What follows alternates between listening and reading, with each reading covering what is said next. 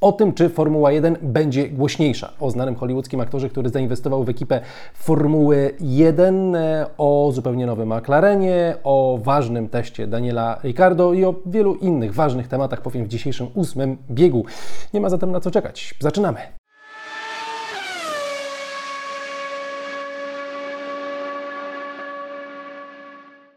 A na początek, kochani, tego odcinka przypomnienie, zachęcanie do subskrybowania tego kanału. Zbliżamy się krok po kroku do tych 50 tysięcy wymarzonych, więc jeśli jeszcze tego nie robicie, to możecie kliknąć ten przycisk subskrypcja. A ja zaczynam odcinek od wspomnienia tego, co się działo w miniony weekend na torze Monza, bo tam rywalizowała włoska Formuła 4, a tam oczywiście mamy Kacpra Sztukę, który w końcu miał bezproblemowy weekend. Nie było żadnych awarii, nie było żadnych e, problemów technicznych, no i były solidne punkty. Dwa razy na czwartym miejscu przyjechał e, Kacper, a w trzecim wyścigu zajął świetne drugie miejsce, więc solidny weekend e, Kacpra, solidne punkty zebrane. W generalce jest na czwartym miejscu. Na zwycięstwo raczej już nie ma szans, bo Lindblad jest ekstremalnie szybki naprawdę w tym roku. To jest podopieczny e, Red Bulla. Zresztą no, ci goście, z którymi Kacper się ściga, w większości są podopiecznymi dużych zespołów Formuły 1. Nie jest to rywalizacja łatwa, no ale Kacper musi się tam rozpychać łokciami. To jest jego trzeci sezon w F4, no i w tej czołówce na koniec sezonu być po prostu musi. Słuchajcie, parę dzisiaj jest ciekawych tematów do omówienia i to naprawdę takich bardzo, bardzo e, fajnych. Będzie też o takiej dyrektywie FIA e, ważnej, ale zacznę, słuchajcie, od takiego e, tematu trochę może niszowego i bardzo takiego już związanego z tym, jak wyglądają kwestie finansowe i operacyjne w Formule 1. Jeśli nie lubicie takich tematów, to sobie przewincie do kolejnych wątków, ale słuchajcie, Słuchajcie, szef Williamsa bardzo ciekawie opowiedział o tym, co powstrzymuje tę ekipę przed e, rozwojem, przed dobiciem do rywali, którzy są mm, z przodu. E, James Vowles jednocześnie, e, jakby jednoznacznie, jednocześnie, jednoznacznie dał do zrozumienia, że Williams przez lata był ekipą, która, znaczy w zasadzie przez ostatnie lata, był ekipą, która E, była bardzo niedofinansowana, w której leżały kwestie rozwoju, w której leżały kwestie rozwoju e, tych technologii, które pozwalają budować dobry e, samochód.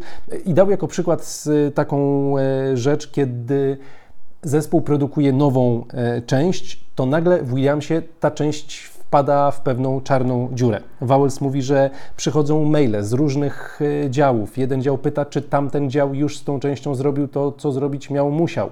Tamten dział mówi, ale czy ten inny dział, to czy on sprawdził już te części i dodał to, co miał dodać? Oni mówią, jeszcze nie, bo z kolei tamci i wymieniają między sobą e, setki, e, setki maili i czasami ta część gdzieś tam jest właśnie w takim miejscu, że nie do końca e, czasami wiadomo, kiedy ta część się znowu wyłoni na powierzchnię. Mm, I mówi, że James Vowles, że normalnie taką w, w dobrze działającym zespole byłby po prostu system komputerowy, który idealnie śledziłby tę część poprzez różne działy i każdy w sekundę mógłby sobie sprawdzić, co z tą częścią się dzieje, na jakim etapie jest rozwoju. Tego w Williamsie brakuje, mm, a żeby powiedzieć Wam, jaka to jest skala, e, Vowels mówi o 17 tysiącach komponentów, które są produkowane, które są przez taką drogę przeprowadzane, więc łatwo wyobrazić sobie, ile czasu zajmuje taka e, operacyjna po prostu logistyka wokół e, tylu części, które są potrzebne do zbudowania samochodu F1. No i dlaczego Williams takiego oprogramowania teraz sobie po prostu nie kupi? Pierwsza rzecz to jest taka, że po prostu to oprogramowanie jest drogie. Vowels mówi, żeby wprowadzić taki pełen system monitorowania takiej części, to jest jakieś 10 milionów e, funtów. No i Druga rzecz jest taka, że zespoły nie mogą też w nieskończoność tych pieniędzy wydawać, bo o ile takie wydatki są poza tym limitem budżetowym, który jest przeznaczony na rozwój samochodu, na pensje pracowników, to jest te okolice 140 milionów dolarów w tym momencie na, na jeden sezon. To jest z tego wyjęte, ale jest jakby dodatkowy e, limit wydatków na takie właśnie kwestie rozwoju ekipy. To się nazywa CapEx i to jest, słuchajcie, 36 milionów e, dolarów na 4 lata rozłożone, więc wcale nie tak, nie tak dużo. No i James Vowles mówi, że to jest problem, bo ekipy, bardzo mocne ekipy, bardzo duże, Red Bull, Mercedes, dla przykładu, no Ferrari, wiadomo, to są ekipy, które gdy wiedziały, że zbliża się wejście limitu budżetowego, bardzo dużo inwestowały wtedy, według Wałęsa, nawet setki milionów dolarów, żeby szybko porozwijać e, pewne rzeczy w zespole, bo wiedzieli, że za chwilę nie będzie takiej możliwości. Ta możliwość się po prostu skurczy. Williams tego nie zrobił i tak jak parę innych ekip, tutaj jest wskazanie innymi na Zaubera czy, czy Alpin, teraz ma problem, bo część rzeczy, które są im potrzebne do budowania e, szybkich samochodów, po prostu e, części rzeczy nie mają. Co w związku z tym? E, no teraz jest dyskusja, toczy się dyskusja tych zespołów e, z FIA, żeby trochę im pomóc, żeby ten limit wydatków został zwiększony, albo żeby może e, te zespoły, które są dalej w klasyfikacji kierowców, konstruktorów, żeby one mogły po prostu część tych pieniędzy zainwestować po prostu więcej niż pozostałe ekipy te z czołówki, żeby szanse się wyrównały. To tak, żeby pokazać Wam, jak skomplikowane jest działanie od kulis ekipy Formuły 1 i jak wiele jest z takich pozornie niewidocznych na pierwszy rzut oka rzeczy, które też decydują, gdzie jaka ekipa e, jest. Więc e, Williams e, walczy o to, żeby móc wydać więcej i żeby trochę się odgruzować, bo przez lata po prostu ta ekipa zarastała mchem i paprocią, biorąc pod uwagę brak inwestycji w poprzednich sezonach. To tyle na ten temat, a teraz przechodzę do tematu, który trochę jest powiązany z właśnie, znaczy nie trochę, no jest po prostu powiązany z tym, co ekipy Formuły 1 mogą w tej Formule 1 i poza Formułą 1 robić. Mianowicie chodzi o to, że wiele ekip ma takie działy, które nie są teoretycznie związane z Formułą 1, praktycznie też nie powinny być ale jednak mogą w jakiś sposób z tym zespołem Formuły 1 się łączyć. Red Bull ma coś takiego, co się nazywa Advanced Technology Division. McLaren ma Applied Technologies. Mercedes ma Applied Science, a Aston Martin ma na przykład Performance Technologies. No i to są takie firmy córki, które produkują różne inne rzeczy, też bardzo zaawansowane technologicznie. Czyli na przykład Mercedes jest zaangażowany w, w wyścigi jachtów, super jachtów, w których też przecież niedawno pracował James Allison, czyli dyrektor techniczny teraz e, Mercedesa. Mogą produkować samochody drogowe, jak McLaren czy, czy Aston Martin. Red Bull też pracował przecież e, częściowo nad, nad takim samochodem. Jakieś rowery produkują i tak dalej, i tak dalej. No i chodzi teraz o to, że część zespołów może próbować próbować wykorzystywać takie firmy córki do tego, żeby omijać trochę limit budżetowy. Czyli na przykład coś tam sobie projektujemy do tego super jachtu, ale trochę nam się to też może przydać do samochodu Formuły 1, ale to w sumie zaprojektowali dla Łodzi, my po prostu tylko się tym zainspirowaliśmy, nie wydaliśmy przecież na to pieniędzy, bo to oni zrobili, no i robi się taka trochę szara strefa. No i FIA ponoć zauważyła problem, wydała e, taki dekret e, techniczny TD45, napisała o tym włoska prasa, a dokładnie La Gazzetta dello Sport. E, to nie jest jakby oficjalny dokument, który wszyscy sobie mogą zobaczyć, ale zdaniem dziennikarzy w tym właśnie dokumencie znalazły się zapisy, że ok, zespoły mogą sobie prowadzić takie projekty, ale będą mocno nadzorowane e, w kontekście tego, jak jest przekazywana własność intelektualna między tymi podmiotami. Jeśli dojdzie do jakichś naruszeń, no to FIA będzie po prostu tutaj e, interweniować. Nie jest łatwo oczywiście śledzenie czegoś e, takiego, ale tutaj FIA pokazuje taką żółtą kartkę tym, którzy mogą coś próbować kombinować. Jest to ostrzeżenie, żeby, żeby być bardzo rozważnym i ostrożnym w próbie omijania przepisów, a w zasadzie, żeby najlepiej po prostu tego e, nie robić. Więc dobrze, że FIA tym się zajęła i jestem ciekawy, czy za jakiś czas jakieś wnioski e, usłyszymy ze strony e, FIA. No i też nie zapominajmy, że zbliża się czas, w którym będziemy też już coraz więcej mówić o limitach budżetowych, bo zespoły już teraz przecież się rozliczają z tego, co było w poprzednim sezonie. Słuchajcie, teraz wiadomość dla tych, którzy liczą, że Formuła 1 będzie trochę głośniejsza. Ona nie jest bardzo cicha, nie jest tak głośna, jak była kiedyś. E, jest ok z tym dźwiękiem, w sensie ja nie uważam, żeby była tak mocno za cicha Formuła 1, ale gdyby te silniki były jeszcze bardziej donośne, gdyby jeszcze bardziej budziły respekt pod względem dźwięku, myślę, że byłoby, e, byłoby lepiej. Kto z Was był na to, że ten wie, że dźwięk jest ok, ale no nijak to się ma do tego, co było z, nie mówię o V12, ale V10 czy V8, no, mogłoby być e, lepiej. No i Kiedyś były nawet takie, słuchajcie, dyskusje, że nie, teraz wchodzi nowe pokolenie młodych ludzi i dla nich to już nie będzie takie ważne, bo to samochody elektryczne teraz będą dyktowały przecież trendy i za 10-15 lat to nikt w ogóle nie będzie pamiętał o tym dźwięku w Formule 1. No i okazuje się, że nie do końca. Stefano Domenicali, czyli szef Formuły 1, powiedział, że no widzą, że dla młodych ludzi cały czas ten dźwięk jest dosyć ważny. I ostatnio Dominikali w australijskim e, radiu 3AW powiedział, że naszą intencją jest sprawienie, by w nowych regulacjach silnikowych dźwięk był głośniejszy, bardziej donośny, bo to jest po prostu część tych emocji, które przekazujemy fanom. To jest to, co fani chcą słyszeć, a moim obowiązkiem jest spełnianie takich życzeń. Musimy mieć nieco inny dźwięk, bo to jest przecież muzyka dla uszu.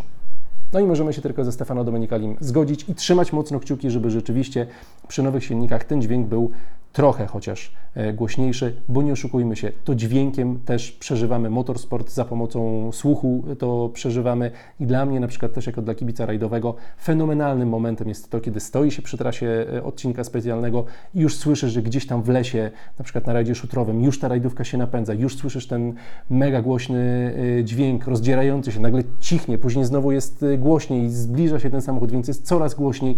No, nawet jak to mówię, to mi się gęba cieszy, bo to jest coś pięknego w motorsporcie i pewnie część z Was też takie wspomnienia i przemyślenia ma.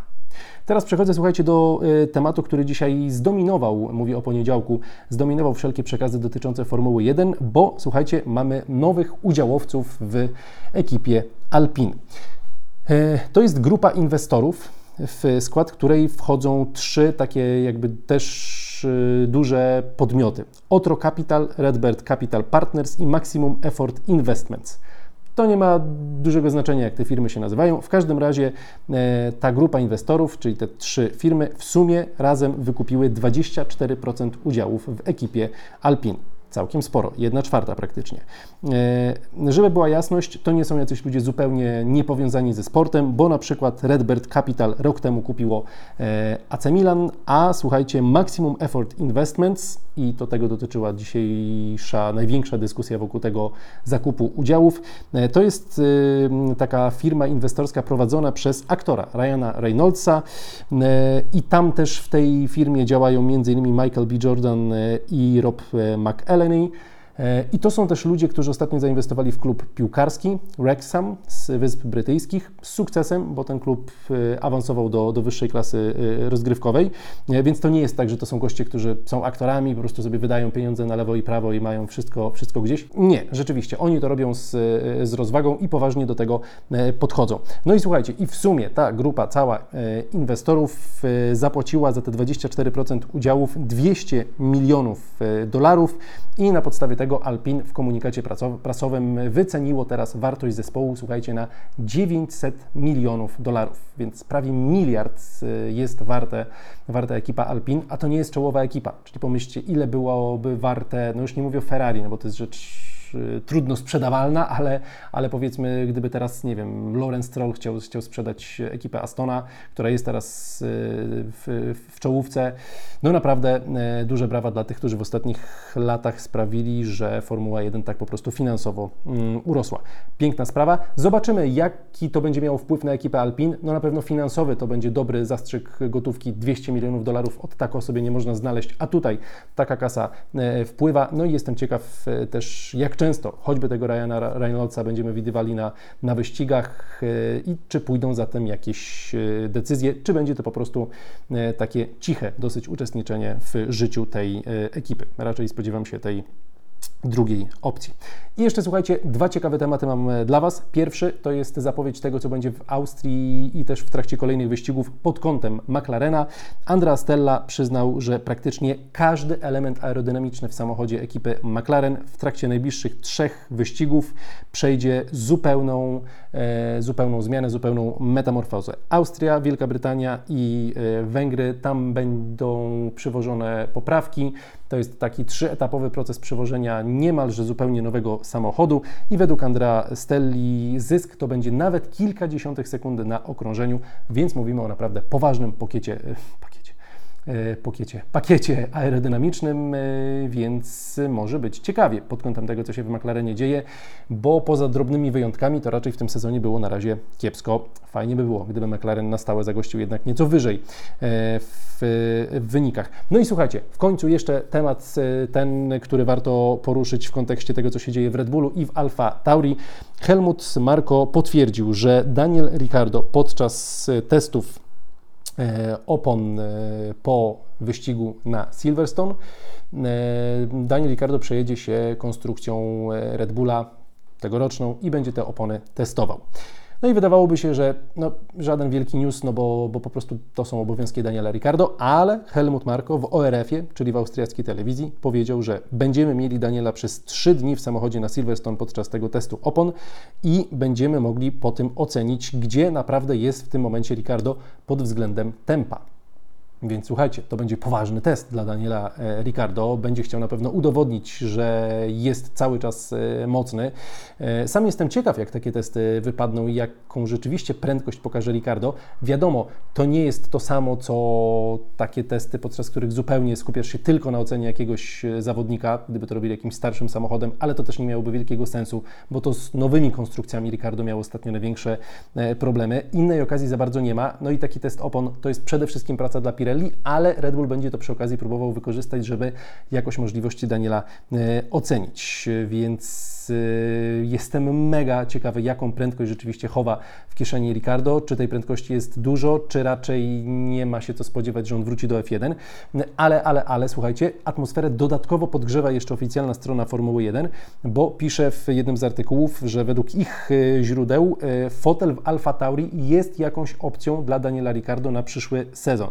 Że to nie jest wcale scenariusz nieprawdopodobny i że zarówno rodzina, znaczy jakby zarówno Red Bull i cała ta Red Bullowa familia wyścigowa, jak i Daniel Ricardo są e, skłonni coś takiego zrobić, e, ani dla Daniela Ricardo to nie, byłaby jakiś, to nie byłby jakiś cios po prostu prosto w twarz. Red Bull ponoć też jest na to otwarty.